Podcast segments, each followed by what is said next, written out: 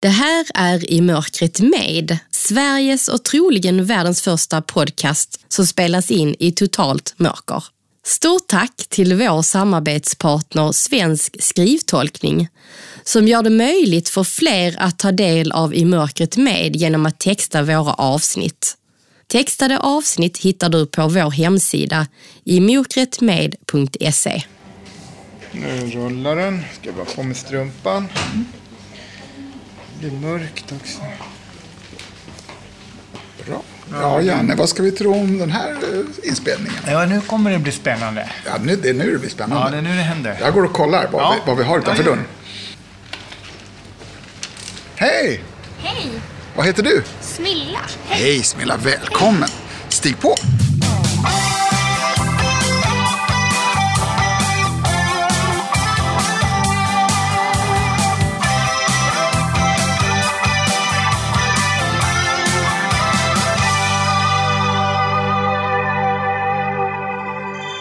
Hej alla fina lyssnare! Och tack för att ni gör just det, lyssnar på I mörkret med. Jag som pratar heter Anna Bergholtz. Och vill du stötta vårt arbete? Det bästa du kan göra då är att berätta för andra att I mörkret med finns. Och du får gärna också betygsätta oss i din podcast-app. För att vara säker på att inte missa något avsnitt av I mörkret med kan du prenumerera på oss. Det gör du enkelt i din podcast-app. Nu till dagens avsnitt som är nummer 28 av I mörkret med och där vi möter vår yngsta gäst hittills. Ja, i alla fall till åren, för annars har hon gått igenom mer än de flesta. Hon delar med sig av hur det är att bli svårt sjuk i ung ålder. Ja, till och med så pass sjuk att den måste sluta skolan. Hur är livet då och vad tänker en? Vi får också lära oss mer om den sjukdom hon fått, PANS. En kontroversiell diagnos som en del påstår inte finns. Du möter också Ulf Nordqvist, Svartklubbens ägare och ljudtekniker är Jan Dahlqvist. Det blir aldrig som man tänker, men det blir alltid bra till slut. Det här är I mörkret med hund och blomsterälskaren Smilla Tellander. Vad underbart! Vad kul att få ta med dig in i ett mörkt rum och, och Ja. så, så får du träffa Anna där. Ja, ska jag hålla här? Håll där, det är en jättebra idé. Hej då. Fast du ska veta, Janne han har såna här kunskaper. Han hör dig vad du än säger om en stund. Ja, ja, ja. Han sitter där och avlyssnar folk hela dagarna i ända. ja här var det väldigt mörkt. Ja, hur känns det? Eh, ja.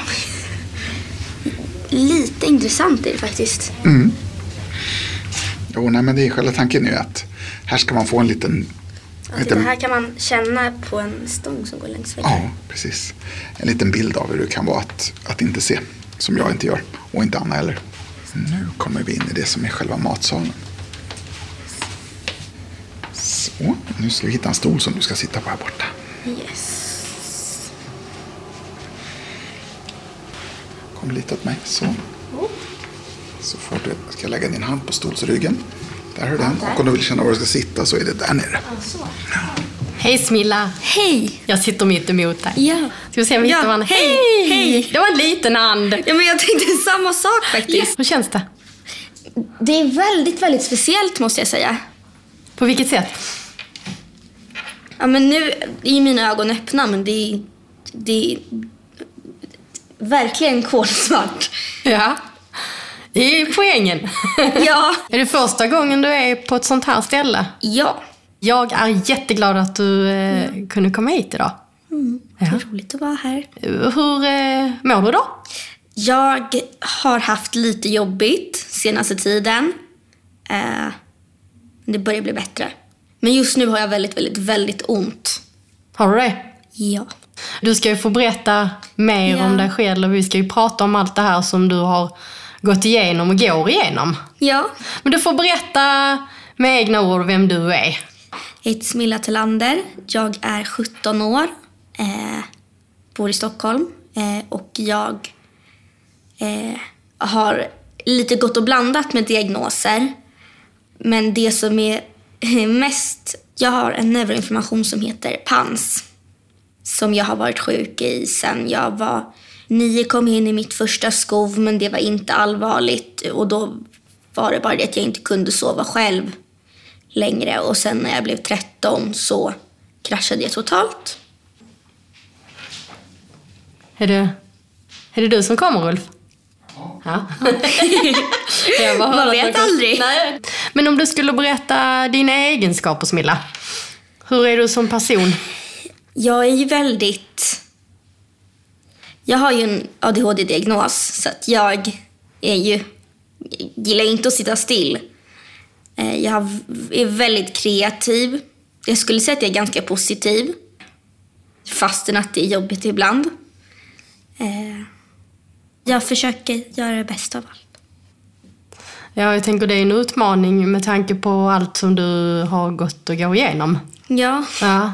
Och du vet du vad Smilla? Du är vår yngsta gäst hittills. wow! Ja, så det är verkligen jätteroligt att ha det här. Ja. Och den äldsta vi har haft här i mörkret är Dagny Karlsson. Känner du till henne? Åh, jag älskar henne. Visst är hon häftig? Hon är jättegullig. Ja. Supercool. Jag tror att hon är 106 år nu. Någonting Ja. så. Jag, jag tror att det är någonting sånt där. Ja. Eh, när skulle du säga att du trivs som fisken i vattnet då? Oj. Eh, när jag får hålla på med blommor. Eh, när jag får vara kreativ. När jag är mina, med mina hundar. Är ehm, eh, blommor ett stort intresse? Ja, eh, jag praktiserar i en blomsteraffär och eh, ska utbilda mig till florist så småningom. Men eh, vi sökte floristutbildning till hösten och jag hade jättebra referenser. Eh, men helt plötsligt så hade de kommit upp med att det var 18-årsgräns Ja. ja. på den där utbildningen så det blev ingenting. Då får du vänta ett år till då eller? Jag får vänta ett år till. Men jag praktiserar och då får jag göra faktiskt nästan allt utom begravning och bröllop. Vad är det som är så roligt med blommor då? Oh, men jag älskar ju bara allt. Nej, åh, det är så svårt att förklara. Doftar gott, de är vackra. Älskar att få pyssla ihop fina arrangemang. Nej, allt är härligt. Eh, då kanske du kan hjälpa mig på mitt landställe sen. Ja. Jag är inte så himla duktig på blommor. Nej. Eller jag kan inte alls någonting nästan. Eh, och jag har pelargonier som jag lyckas ganska bra med. De är ju väldigt lättskötta. ja, de är bra. Ja. Så, men jag vill ju ha eh, lite köksträdgård och jag vill ha lite buskar och Ja, gärna lite härligt. blommor. Älskar att kunna gå ut. Nu bor ju vi i lägenhet, men jag skulle gärna vilja bo i hus. Kanske inte så nära stan heller. Mm. Jag gillar där det finns djur och natur. Jag är inte så mycket för betong och asfalt. Vad är det som är härligt med att komma från stan då, tänker du? Man får ju luft. Alltså, jag har ju alltid gillat att vara utomhus. Jag vill ju ha fruktträd och bärbuskar och kunna fixa med planteringar och så. Men det är lite svårt att göra när man bor i lägenhet. Det skulle vara skönt för hunden också, så de bara kunde springa på tomten. Du bor tillsammans med din mamma Jag och bor med mamma. Och eh, min lilla syster bor, det ska egentligen vara varannan vecka, men eh, hon är 13, snart 14, så att eh, hon kommer och går lite som hon- vill. Hon Ja. kommer ibland och ibland är hon kvar länge. Ibland så är hon mycket hos pappa. Och du då, hur... Eh, är du hos pappa också ibland eller? Nej, jag bor bara med min mamma. Eh, jag träffar pappa då och då. Pappa bor ju med en annan ny kvinna. Eller ny och ny, de har varit tillsammans i sju år. Eh, så, så, så ny är hon inte. Eh, och de har en liten son. Så jag har en halvbror också. Vad skulle du säga är det bästa som hänt dig i ditt liv, Smilla?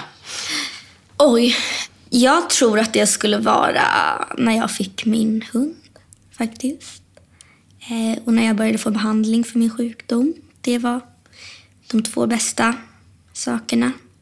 Jag har ju haft väldigt mycket självskador eh, och det har varit ett tvång så att det har inte varit så att jag har eh, skurit mig för att det är skönt att ha smärta på ett annat sätt utan det är för att min hjärna har varit tokig och sagt åt mig att göra det.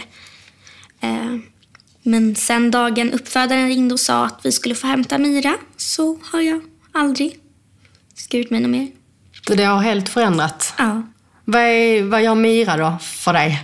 Skulle du säga? Mira, hon är ju otroligt avkännande. Hon, hon märker verkligen om jag mår dåligt och hon håller sig nära till mig. Häromveckan så hamnade min farfar på sjukhus och Mira, eh, även om jag inte grät och var helt förstörd så märkte väl hon att jag var stressad och hennes nos var, var liksom alltid vid min vad. Hon gick efter mig som en liten svans. Hon vaktar mig kollar av hur jag mår på kvällen, hoppar upp i sängen på kvällen och sen så om jag, hon känner att jag mår bra och kommer somna då går hon och lägger sig under sängen där hon helst vill bo. Men märker hon att jag är ledsen eller har jobbigt med tics eller tvång då sover hon uppe med mig. Fantastiskt. Hon är otroligt duktig. Jag kan inte riktigt säga samma om vår andra hund. Han är... han är lite... Nej, Ja, för ni har en till som heter Bamse va? Ja, han är... Hur gammal är han? Åtta, åtta månader. Men han har faktiskt opererat benet för en och en halv månad sedan så att han har förlorat hela sin valptid så att han har väldigt, väldigt mycket energi. Eh, så att nu när man går ut med honom och han ser en annan hund eftersom att han inte får leka med andra hundar och han älskar andra hundar så bara ylar han och skäller och morrar Eh, och det är för att han vill leka, men andra tror ju att, frågar ju, är han aggressiv och bits? Ja. Nej, det är han inte. Han är världens snällaste, men han är så understimulerad och vill leka så mycket. Vad är Mira och Bamse för hundar då? Eh, eh, pudlar är de båda två. Eh, mellan. Och Mira ska faktiskt, nu väntar vi när som helst, vilken dag som helst, börjar Mira löpa. Då är det dags för att hon ska få kul med en liten pojke. Så i höst kommer vi ha valpar hemma. Åh, mm. vad roligt. Då kommer jag och hälsa på. Ja, alltså. Spännande. Mm. Mm. Träffade du min hund här ute? Ja, jag träffade hon var supersöt. Ja, det är en ledarhund. Ja, jag såg det. Jag vet att man får inte hälsa om de har den där västen på sig, men Nej. när de inte har det så brukar man ju kunna. Nej, men det gick bra nu. Hon, hon är ju ledig ja, där ute. Ja. Så att, ja, men eh, visst är det så att de märker man brukar träna dem att när de har västen på sig så ska de inte hon eh, vet att då ja. är hon i tjänst. Precis. Och på henne, när jag sätter på den här selen då som ja. man kallar det för, ja. eh, då står svansen rätt ut så hon är liksom så här, som i givakt, beredd. Och i början när jag fick henne, mm. då bara kastade hon sig ut genom ytterdörren när vi skulle gå iväg. Jag hann nästan inte med. Oh. Så att, nej, men jag förstår precis vad du menar. Det här med djur och hundar mm. och att de känner av. Och, det är fantastiskt. Mm. mm. Supermysigt. Världens bästa. Men du, vi ska släppa in Ulf innan vi ska prata vidare där du ska få berätta lite om yes. ditt liv och Pans. Ja. Mm. Men Ulf kommer här först med lite grejer till oss. Ja. För här i mörkret så brukar man ju få testa sina andra sinnen. Har du en hand? Här. Mm, hittar den inte, men där var den inte. Där har du ett glas. Ja. Här får du en flaska. Och här får du en öppnare till flaskan. Ja, det lät bra. Hittar du glaset där? Ja. ja. Inte hälla upp för mycket ifall att jag häller för långt. Jag tror att du kan hälla på för det är ett stort glas där. Ja. Ja, det är ett fint ljud. Ja, det är det. Det porlar härligt. Ja, men nu känner jag. Kan jag ska smaka det här nu då? Eller? Ja, kan jag. Mm, det här är kolsyrat Ja. Mm. det är inte mer spännande än så. ja, men det kommer lite men, mer spännande. Ja, jag tänker att vi tar fram två saker där. Får vi se. En sak där och en sak där. Okej. Okay. Och nu är det två olika, ja, vad ska man säga, burkar där. Så. Mm. Okej, okay. ja. smakar den till vänster först? Ja, kan jag. Nu är det torkad frukt. Ja. Mm, där tror jag kan vara papaya. Oj, vad snabb du är! Ja. Vad är värst? Jag bara, okej. Men jag tror att det är papaya. Eller Ulf. Det var otroligt imponerande. Bara satte den direkt. Ja. Var det den här eller? Ja. Nu ska jag testa. Testar du med Ulf? Testa att göra den andra nu. Mm, gör det.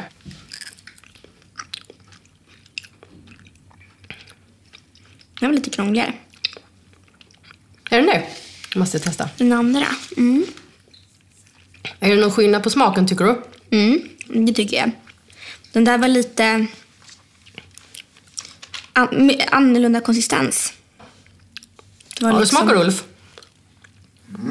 Jag tycker det var stor skillnad på dem. Ja, det var stor skillnad på dem. Men jag kan inte sätta namn på vad det här var.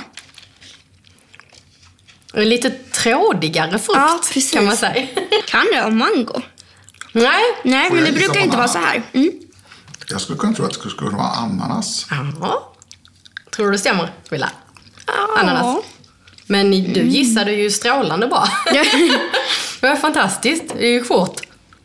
Ja, men jag vet att vi brukade köpa såna torkad frukt när jag var liten ibland. Ja, det gjorde du bra. Tack. Nej, men det är bara att äta det. De, de, det var ganska gott. Men det, det var väldigt stor skillnad på konsistensen som du säger. Mm. Och ananasen är lite syrligare, eller lite surare nästan så. Du berättade ju här innan att du blev sjuk och fick ditt första skov när du var nio år gammal. Kan du berätta hur eh, livet såg ut innan det? Jag har ju alltid varit väldigt aktiv. Eh, med tanke på min ADHD eh, så vill jag röra mig typ konstant. Eh, jag tävlade i alpint, alpin skidåkning. Eh, tyckte jättemycket om att göra det. Eh, älskade när det gick fort. Men jag var glad. Men sen så när jag var nio så började jag... Jag kunde liksom inte sova själv på natten. Jag fick otrolig panik bara av tanken på att sova själv. Utan jag behövde sova med mamma. Och så var det fram tills jag blev 13 när det blev ännu värre och jag fick ett nytt skov. Och när jag var 13 så hade jag börjat på akrobatik. Och eh, också någonting jag älskar. Va, berätta, vad gjorde du då? då? Eh, Det är inte, aerial silk heter det.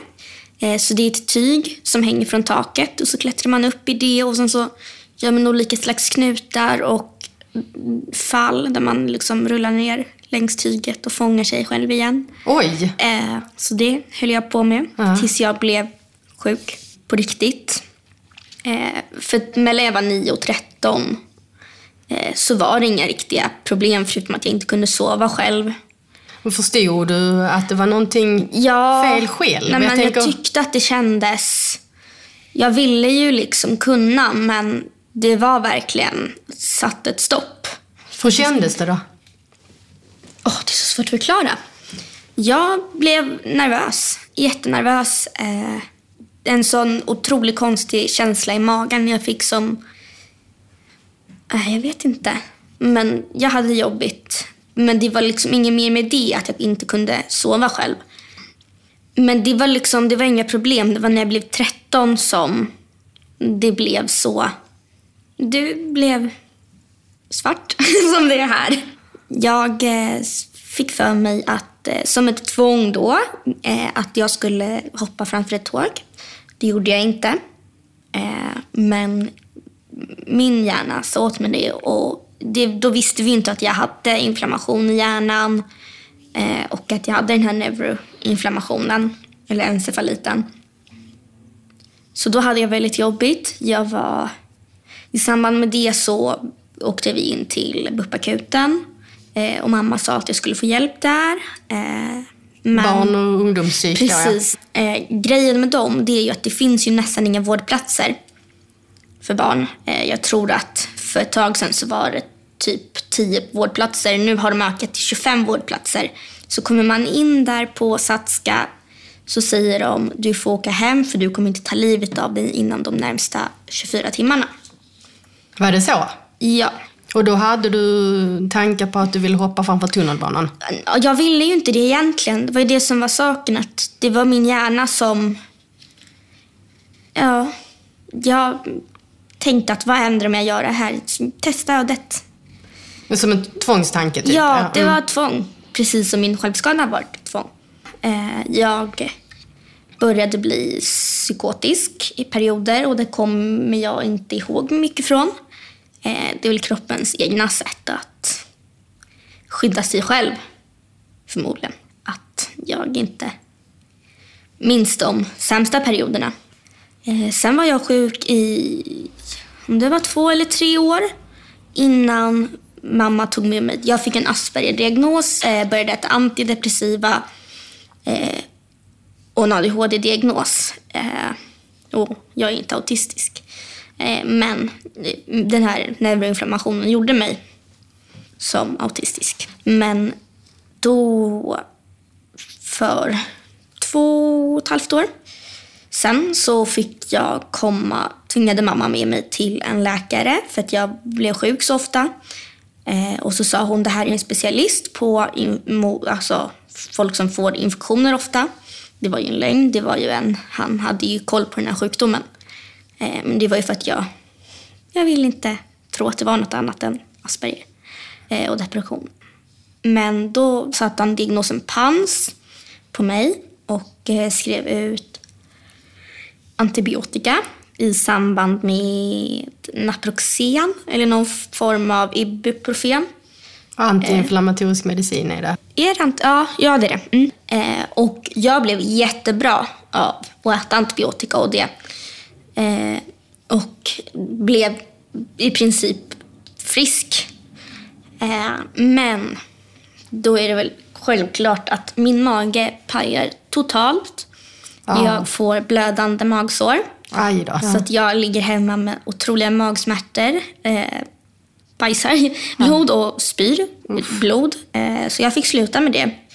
Och då, i samband med det, så den här läkaren som diagnostiserade mig fick en hjärtinfarkt eller någonting. Han gjorde bypassoperation på hjärtat. Så att han slutade ju vara det. Och då fick vi komma till BUP OCD istället. Eh, jag fick komma dit och eh, de, det är de som har hand om den här sjukdomen som jag har. Eh, Pans. Precis, det är en neuroinflammation men de har valt att lägga den under psykiatrin av en jätteintressant anledning. Så att då fick jag träffa en psykiater och deras behandling de ville sätta in på mig var Naproxen, det som jag hade fått blödande magsår av bara några veckor innan. Eh, och då sa ju vi att vi kan inte det. Eh, mamma skickade en egen remiss till Göteborg. Eh, för där har de väldigt bra behandling för min sjukdom. Så att vi fick hjälp i stället i Göteborg med kortison. Och kortison mådde jag inte heller bra av. Eh, då fick jag, blev jag aggressiv. Eh, och jag eh, fick konstigt med mina pupiller, med synen. Eh, jag har ju på senare tid fått lära mig läsa på nytt. För att min syn har... Eller jag har liksom inte kunnat läsa på grund av den här sjukdomen. Eh, jag har haft otroligt ont i mitt huvud. Men om vi, om vi stannar till lite och om du kan berätta Ja. vad, vad PANS är för någonting, Smilla. Ja, PANS är en neuroinflammation eller en encefalit. Vad sa du? Enfesa... Encefalit. Ence- det är Eh, svåra ord här. Ja. ja. Det är inflammation eller någonting i hjärnan eh, som är vajsing. Och just den här PANS eh, är väldigt, en väldigt kontroversiell diagnos. Eh, det är vissa som säger att den inte finns. Eh, det är väldigt svårt att hitta inflammationen i hjärnan. Det finns en diagnos som heter PANDAS också. Och sätter man någon diagnosen PANDAS på en, då innebär det att man har hittat streptokocker i samband med eh, att man insjuknade. Eh, så det, då är det streptokock. Så, men det här sjukdomen får man av en infektion och immunförsvaret attackerar hjärnan. Och det stämmer väl att eh, din mamma kommer ihåg att du hade någon eh, halsfluss innan du blev sjuk? Nej, Eller? inte halsfluss. Jag hade öroninflammation. Hade jag. Öroninflammation? Eh, där trumhinnan sprack. Och det har jag haft jättemånga gånger. Men det var efter det som jag Mm. blev dålig. Och jag tänker då när man, man, man då får pans, eh, då blir ju hjärnan inflammerad. Och då är det ju inte så konstigt, tänker jag, att allt sånt här konstigt händer. För Mm. hjärnan styr ju väldigt mycket av våra funktioner i kroppen. Till slut så fick du komma till Göteborg då. Mm. Och eh, kortison var inget Det var, vart inget bra. Nej. Nej. Vad har Eh, hänt sen då? Sen fick vi hamna på, det svårt att få den här behandlingen som jag får nu, vilket är en typ av blodtransfusion. Eh, skulle man kunna kalla det. Det är vita blodkroppar. Eh, en blodprodukt som heter Privigen. Eh, men vi fick vänta ett tag på att få den. Men jag tror att det var den 11 april 2000 Vänta, nej 2018. Då fick jag besked om att den 25 april så fick jag min första IVIG. Eh, Ivig. Precis, det är det det heter. Och då får man en infart i armen. Och så får man ligga i ungefär 7-8 timmar med ett dropp. Eh, och man måste dricka jättemycket och det har ju ganska mycket biverkningar. Eller nej, inte biverkningar så, men efteråt så får man, kan man få väldigt ont i huvudet och man kan må väldigt, väldigt illa och kräkas. Eh, så man måste dricka väldigt mycket under behandlingen. Vad är det som kommer i droppet då? Det är blod. Eller inte blod, det är vita blodkroppar. Så det är immunoglobulin. Eh, Och det är gör- liksom, ja, men I blodet, om blodet inte blandas runt i kroppen så blir det ju ett lager med röda blodkroppar som separeras från vita blodkropparna. Och de vita blodkropparna är genomskinliga. Så är de vita blodkropparna som man utvinner från jätte, jätte, jättemånga personer. Så då är det en liter nästan jag har fått med vita blodkroppar från andra människor. Varje månad nu i... Jag tror att jag är inne på min 16 behandling. Ja, för jag tänker nu sitter du här. Mm. Du berättar ju i början att du har ont och sådär, att du inte mår jättebra. Men det, det vad jag har förstått är ändå stor skillnad med hur du var förut. Superstor skillnad. Jättebra skillnad. Allting har gått. Det är fantastiskt när jag har fått den här behandlingen. Vad är, vad är det för skillnad? Kan du berätta? Jag blir mig själv igen. Jag slutade ju kunna läsa. Eh, Jag, kunde, jag vinglade när jag gick. Kunde inte röra mig korslateralt. Jag kunde, alltså, ja, svårt att förklara vad det är. Gick konstigt. Eh, Och prata som en robot också Prata va? som en robot. Ja. Jag blev var autistisk. Och vad innebär det då? Att du var autistisk så att säga? Jag var som autistisk. Lite inåtstängda så då? Ja, eh, precis. Det var jättekonstigt, eh, men jag var inte mig själv. Kunde inte läsa. Min handstil har försämrats. Eh, ja. Och skidåkning och akrobatiken och och Det det. slutade jag med. Sen vi har eh, fått min diagnos med PANS så har jag också fått diagnos endometrios. Eh, så att jag har ju väldigt problem när jag ska ha mens. Men det, det är också inflammatorisk sjukdom ju. Ja, och sen så på det så har jag haft jättemycket problem med mina leder och nu har jag utretts för ME, kronisk trötthet. Och det tror de inte att det är. Eh, och eh, lite olika typer av reumatism. Men jag har ingen inflammation i mina leder så att nu tror de att det är Ehlers syndrom, EDS.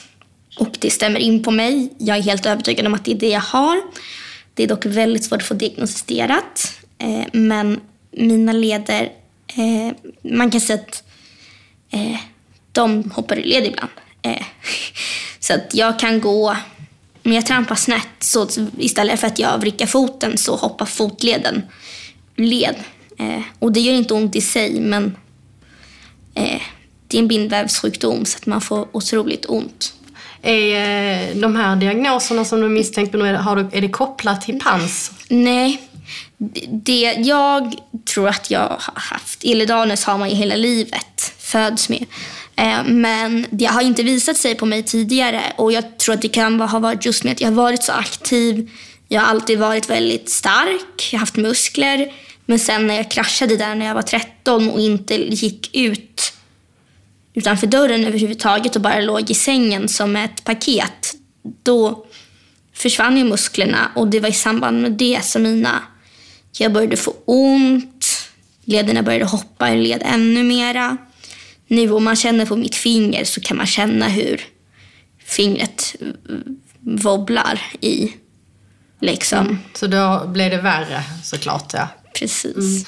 Men du, eh, Smilla, jag tänker att vi ska prata lite om eh, det här med också att eh, du har inte kunnat gå i skolan och hur livet ser ut då. Vi ska lyssna lite på musik först. För vi har ju Ulf här som Ja. eh, står för lite musikunderhållning. Är det han som spelar? Det är det.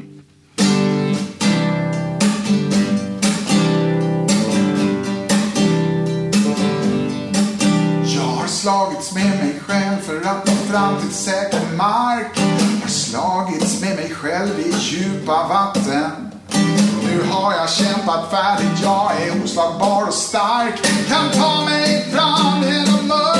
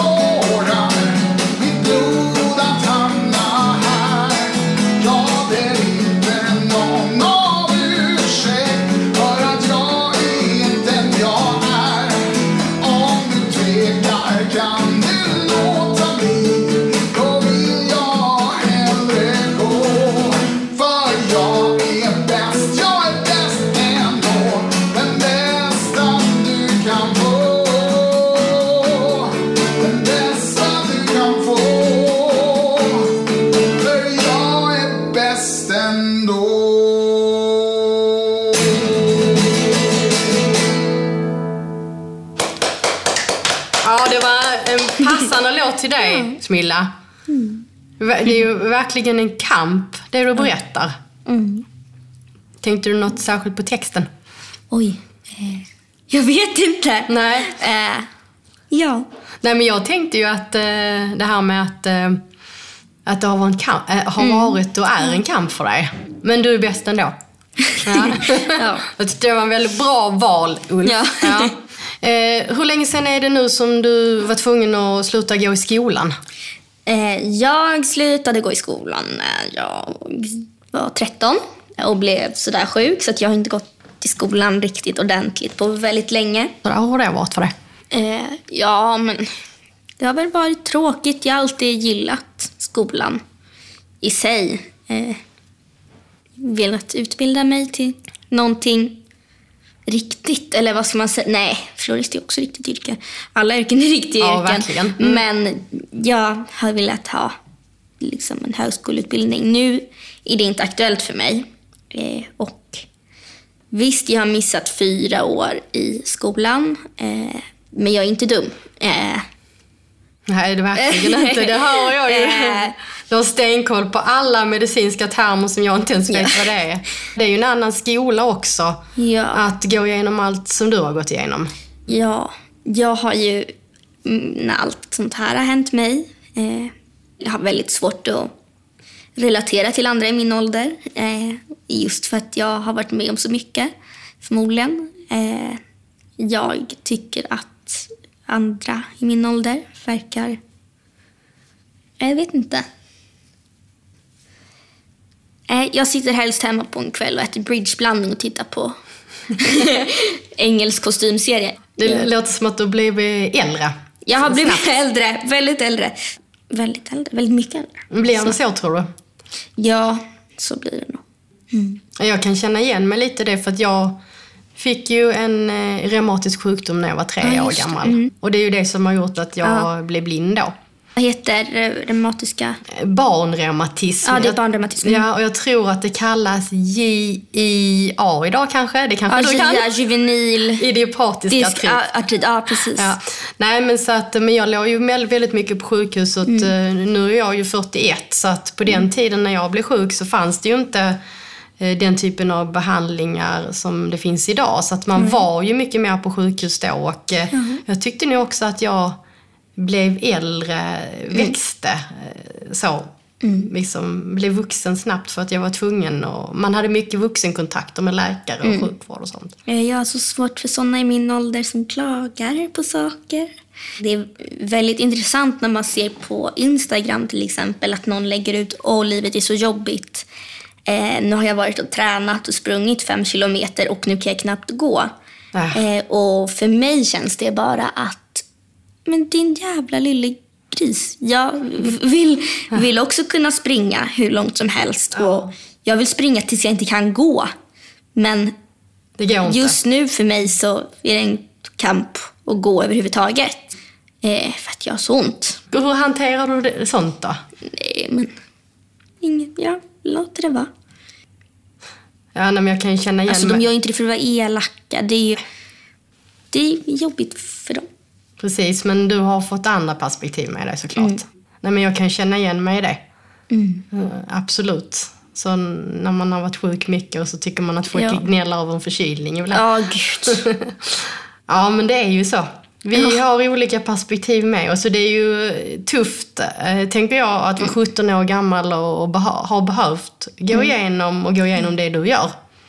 Fast jag skulle nog inte ha det på något annat sätt. Jo, det skulle jag. Jag skulle inte ha det på något annat sätt egentligen. Eh, men jag skulle ha önskat att jag hade fått hjälp.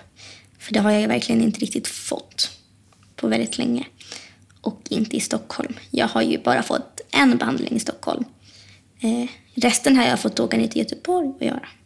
Ja, hur ser det ut nu då för dig? Alltså hur, eh, hur ser livet ut idag? Eh, nu så, egentligen så ska jag praktisera i blomsteraffären två timmar om dagen. Eh, nu gjorde jag inte det förra veckan för att jag kände mig lite krasslig. Eh, och när jag känner mig lite krasslig då betyder det att jag typ eh, ligger i sängen och inte kan gå.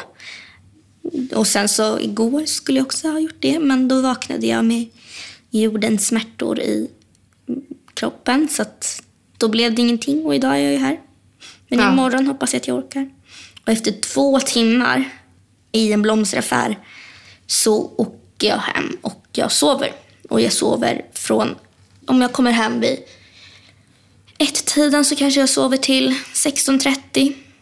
För att jag är så trött och det är ju inte jag egentligen. Jag hade ju den Smilla som jag egentligen hade ju varit uppe och jobbat i 16 timmar och sen hämtat kusinerna på förskolan och bakat bullar. Ja. Men nu, Men det låter som att du måste ta en dag i taget. precis. Hur eh, lätt eller svårt är det att göra det då, att ta en dag i taget? Jag har lärt mig det nu. Jag tycker faktiskt att det är svårt att se långt i framtiden. Eh, Jag har gått, fått gå på en eh, slags KBT som heter eh, eh, ACT, Acceptance Commitment Therapy, eh, som går ut på att man ska lära sig att leva med smärta. Eh, och när vi gjorde det så var en av övningarna att jag skulle tänka vart jag var 15 år fram i tiden. Och för mig är det helt omöjligt att säga och jag vill inte tänka så långt. För att jag vet att det blir aldrig som man tänker. Och för mig är ett långsiktigt mål vad jag ska göra de nästa två veckorna. Och sen så tar jag det därifrån. Jag planerar inte långt i förväg. Jag tar mm. det som det kommer. Men hur, eh, hur skulle du säga att eh, sjukdomen har påverkat eh, relationer med din familj och syskon och kompisar och så? Kompisar, där är det ju lite intressant eftersom att sådana i min ålder tenderar att krypa in under en sten när någon mår dåligt. Eh, så har jag ingen riktigt kvar. Jag vet att det är några som man kan se, eller liksom, som kan höra av sig och som bryr sig. Och sen så är det de som man har känt som faktiskt bara krypt in under en sten. Från att man har varit bästa, tajtaste kompisar till att inte ens hör av sig. Varför tror du att det blir så då? Att... Folk är rädda. Vad är de rädda för då? För andras svagheter eller för andras jag vet inte. Så fort någon nämner att de är sjuk så flyr alla som... Ja. Men har du träffat eh, personer som är i din ålder som har pans? Jag har min absolut bästa kompis Claudia eh, som tyvärr inte bor nära. Hon bor i Dalarna. Eh, det är jättetråkigt. Eh, och hon har pans. Så det har jag. Och vi pratar nästan varje dag. Vad betyder det då att uh, ha en uh, kompis som också har liknande erfarenhet eller samma sjukdom? Det är skönt att ha någon med samma, men jag skulle önska att hon inte behövde gå igenom det hon gör. Uh, just för att hon har det väldigt, väldigt tufft. Du berättade ju här förut att eh, det är så här omdiskuterat eh, pans. Alltså här mm. i Stockholm är det svårt att få mm. rätt behandling och du sa att du önskar så att du hade fått rätt hjälp och ja, tidigare. Det har ju inte varit någon neurolog som har tittat på mig förrän nu i somras. Så nu håller de på och bestämmer vad jag ska få för behandling. Är det för dålig kunskap hos läkarna och inom sjukvården? Alltså det här hamnar ju helt mellan det som är det största problemet just nu med den här diagnosen. Det är ju att det är någon tokstolle som har valt att lägga den under psykiatri. Eh, och det är en neurologisk sjukdom, det vet man. Eh, som verkligen inte alls borde ligga inom psykiatri, men den ligger inom psykiatri. Eh, och en psykiater, eller på BUP, så kan de ge lugnande och antipsykotiska, men de kan inte bota någonting. BUP kan inte skriva ut IVIG. Eh, BUP kan liksom inte... De kan erbjuda KBT och det... Har man en inflammation i hjärnan så blir man inte frisk av KBT. Det är inte så att liksom de små rackarna i hjärnan som ger inflammation typ blir jätterädda av KBT och Nej. springer bort. Mm. De bryr sig inte riktigt om KBT, så att säga. Jag heter Linus Martinell och det är jag som textar avsnitten av I mörkret med. Jag arbetar på företaget Svensk skrivtolkning som inkluderar genom text. Skrivtolkning är en tillgänglighetstjänst för personer med nedsatt hörsel som innebär att man får det som sägs textat i sin mobil, dator eller läsplatta. Vi på Svensk skrivtolkning levererar skrivtolkning, live-undertextning, undertextning och transkribering till flera av Sveriges ledande organisationer. Vill du veta mer?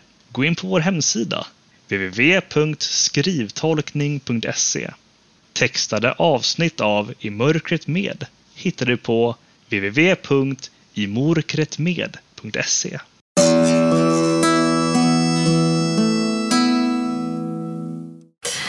Ehm, du ska få en eh, liten present av mig, Smilla. Åh. Ja. Nu ska vi se. Nu, jag vet inte om du ska öppna det. Du kanske kan gissa lite vad det är om du känner igenom. Ja. Här. Ja. Känner du det prassla här? Det känns väl som hundben. Ja, men typ. Det är ju hund... eh, Såna här eh, små godisar. Ah. Avlånga. Ja. Oh. Till dina hundar. Tack. Ja. Då blir hon glad. Ja. Nej, vi har ju pratat om det redan, om betydelsen av Ja. eh, dina hundar och, och Mira framförallt. Då. Ja. Helt fantastiskt. Måste säga att pudel på recept skulle man kunna skriva ut. Pudel på recept, ja. Ja, det är Ja. helt, helt underbart. Verkligen. Alla borde ha en hund. Alltså vad skulle du vilja säga till eh, människor som lyssnar? Jag tänker du är 17 år gammal. Mm. Du har en sjukdom som är väldigt tuff såklart att leva med. Jag tänker för att folk ska förstå att livet kan se ut så här. Har du någonting du skulle vilja att folk skulle lyssna till? När, man säger, när någon säger att de inte går i gymnasiet så behöver man inte tänka att det är någon som är lat eh, eller någon som så. Eh, ha förståelse för varandra. Mm, Tänk inte det värsta om varandra. Bara för att jag är hemma hela dagarna så betyder inte det att jag är lat. Det bara ha förståelse. Mm, Man kan inte bara tänka saker om andra som man inte har någon aning om. Upplever du det att många eh, tänker enspårigt där att om man inte går gymnasiet så är man lat typ? Mm. Ja, jo tack. Ja. Jaha, varför går inte du gymnasiet? Jo, därför att jag har varit sjuk hur länge som helst. Oj då. Ja, då förstår jag. Behöver man ens ställa följdfrågan? Egentligen riktigt. Ja, det där är så konstigt Mm. egentligen, för jag tänker det är ju jättemånga som, som jag vet som, som liksom, de har inte gått gymnasiet. De har gått ut nian och det har gått jättebra för dem ändå. Ja, gud ja. Och jag tänker de som lyssnar, de som är, själv är väldigt sjuka, som har de här dagarna med som du berättar om, är väldigt trötta, man sover och det är mycket smärta och Mm. mycket sjukhusbesök. Och, vad skulle du vilja säga till dem? Eh, att livet suger ibland. Eh, bara försöka finna sig i eh, hur det är eh, och hitta andra saker så än det man egentligen vill göra. När jag har mått som sämst så har jag kunnat sitta bara i sängen och sminka mig om och om igen. Eh, ta bort det bara för att ha någonting att göra. Eh, det finns så mycket saker man kan göra ändå. Man får inte... Åh, det är så svårt att förklara. Man får inte bara ta varje dag som den kommer. Det är ingen idé att planera någonting. Det, är liksom, det blir som det blir. Och det blir så av en anledning. Och det kommer bli bra. Det blir aldrig som man tänker, men det blir nästan... Det blir alltid bra till slut. Hur, eh, hur, hur ser en vanlig dag ut för dig då? Är det väldigt olika? Eller Det är olika eh, i perioder. Eh, just nu så har det varit att jag praktiserar två timmar på dagen och sen så går jag hem och sover. Och då sover jag riktigt tungt i många timmar. Sen vaknar jag, äter middag, är uppe. Ibland lyckas jag ta mig ut på promenad med hundarna. Och sen så somnar jag ganska tidigt. Så det är mycket sova jag gör. Och mycket jag är hemma. Men jag brukar se till att komma ut någonting varje dag. Och vad gör du liksom när du är hemma en dag? Om du inte är iväg på praktik då? Hur kan en dag se ut då? Jag lyssnar väldigt mycket på ljudböcker. Eh, väldigt, väldigt mycket. Eh, tittar Det- väldigt mycket på dokumentärer. Eh, pusslar. Ritar. Vad sa du? Pusslar? Alltså Ja, pussel? pussel, ja. Ah, gör du det? Vad kul. Mm, vad sa du mer? Rita? Rita i såna här målarböcker. Eller mandalaböcker.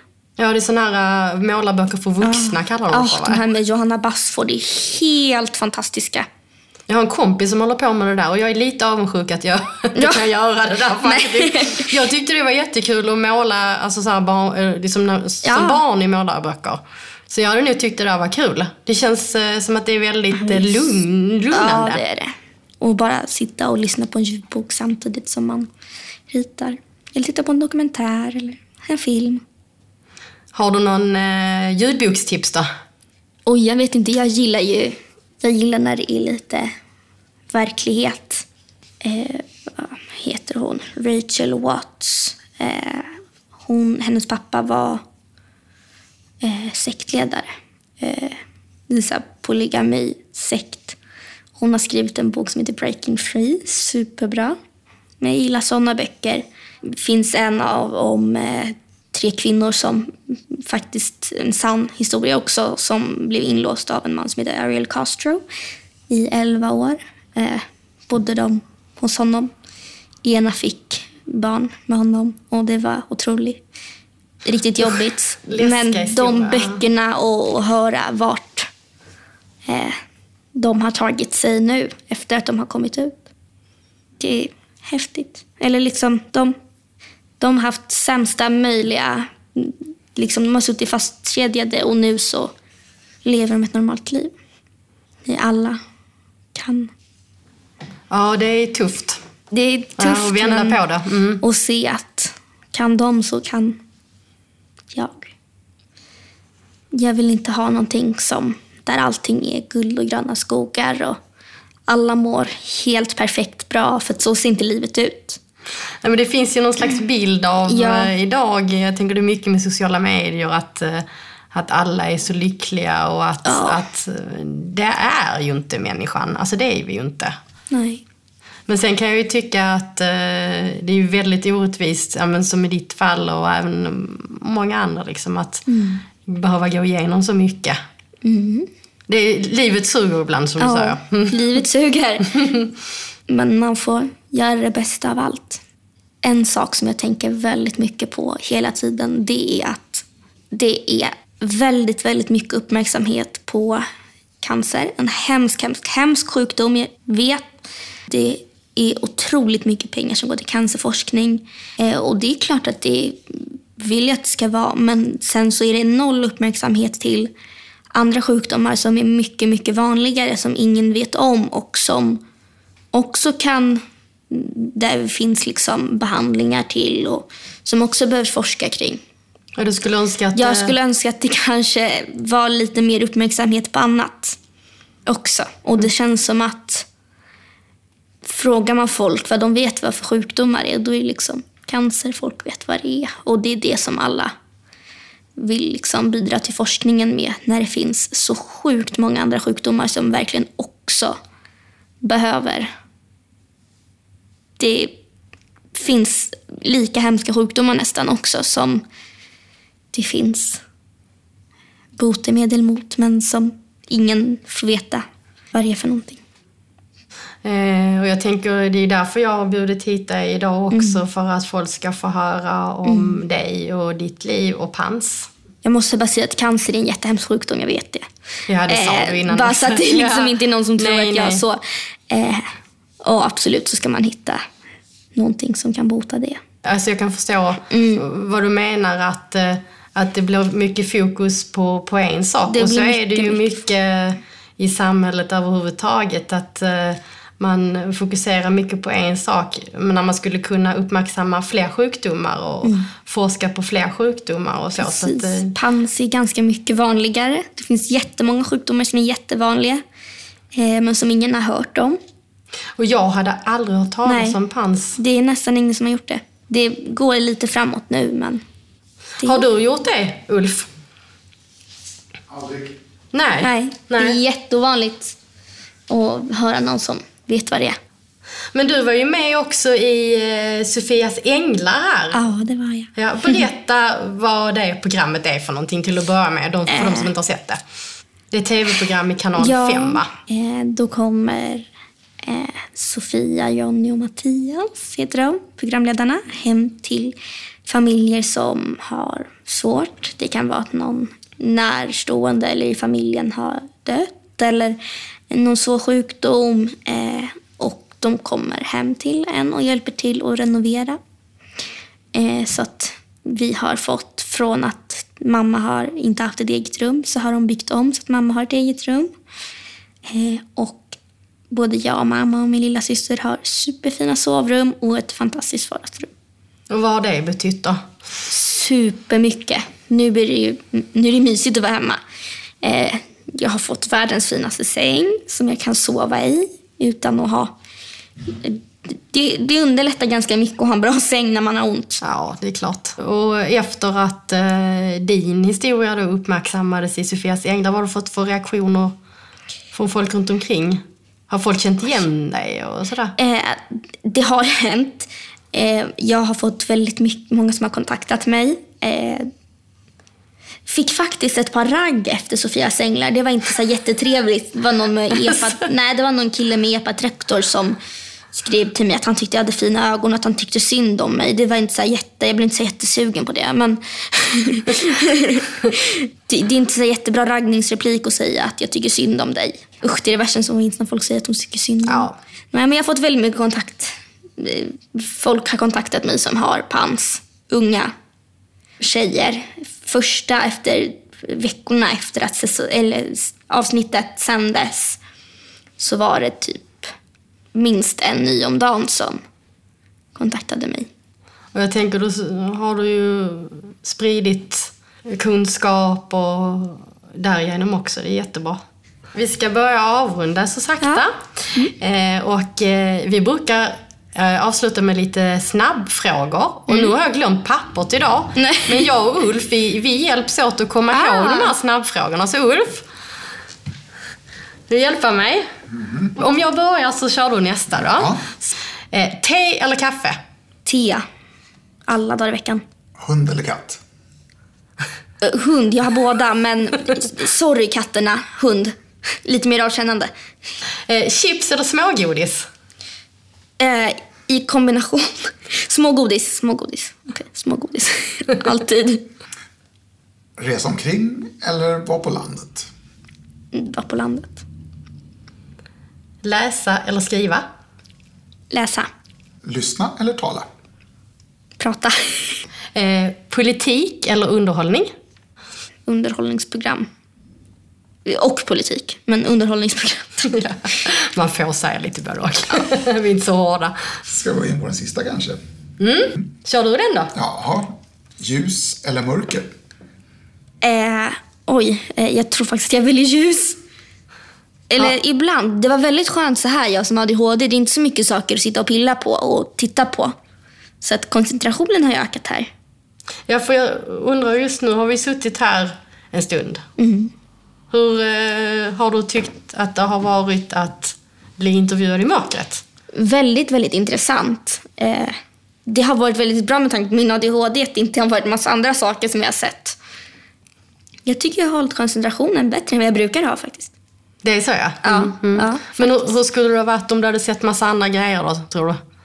Jag tror att jag det hade glömt bort mig lite. Det hade varit lite annat att tänka på. Jag hade nog blivit lite tröttare efteråt också. Så mycket intryck. Ja, har du några frågor Ulf? Eh, Nej, jag, bara, jag vill bara säga att det där som du just sa bekräftar något som en, en, en eh, kvinna som var här för ett par veckor sedan sa att hon hade ADHD och hon hade aldrig haft en så lugn måltid som när hon satt här inne. Ja. Så, så det, det, är lite, det känns som samma, samma sak som du just sa, att, att hon, Mm. hon var van vid att bli så störd av vad hon såg och så plötsligt kunde hon bara sitta och nästan bara slappna av och äta. Så det kanske skulle vara ett tips så här då? Ja. Till, till personer som har ADHD ibland att äh, äta i mörkret kanske? ja. Ja, men det är många som har sagt det av gästerna med ju, oavsett om man har haft ADHD eller inte, att man blir mer fokuserad. Ja. För vi matas ju så mycket av eh, synintryck hela tiden och vi har mobiltelefoner och... Ja. Nej, inte nu. Smilla, du ska få skriva i vår gästbok. Eh, nu? Yes. När det är mörkt? Ja! Vart är den då? Den kommer här. Och det här får ju alla göra så att, eh, nu ska bara se vart tog pennan vägen. Nej, nu skickar jag iväg den. Där. Här är en penna. Känner du det? Nej. Där, ja. Och så flyttar jag lite på flaskan där så vi inte drar ner den. Och så känner du boken där. Ja. På denna, där Ja. kan du skriva vad du vill. Så att vi vet att du har varit här. Och så tryck ut spetsen där. Och ta din tid. Nej, jag bara skrev min, mitt namn. I mörker, jag vet inte vad jag ska skriva. Inget Vänta. annat? Hej och en glad gubbe blev det. Ja, det är bra. eh, alltså tusen, tusen tack för att du har Tack. kommit hit Smilla. Tack för att jag fick komma.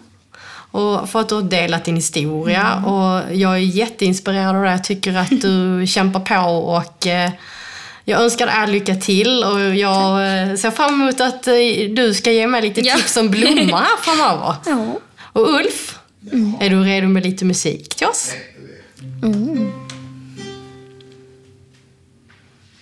Jag lirar i rockband. En F9 harm Du vet, det får musiken att puttra och förstärkaren blir varm Jag gillar allt från Bach till Jimi Hendrix. I min hand har jag många små gitarrlicks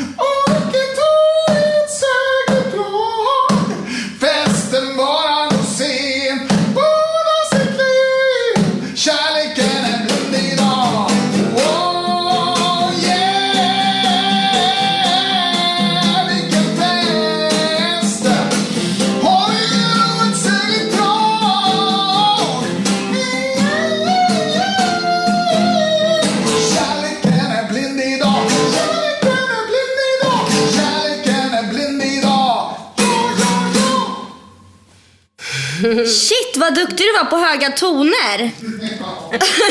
Jesus. Han är ganska bra va?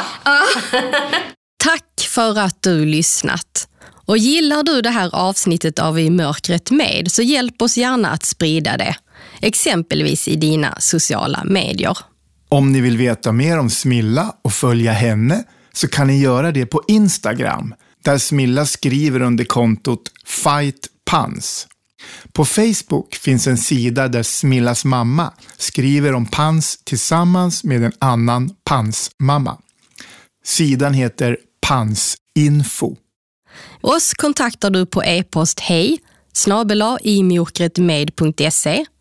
Vi har hemsida www.imjokretmed.se och följ och gilla oss gärna på Facebook. Vi är tillbaks igen om fyra veckor.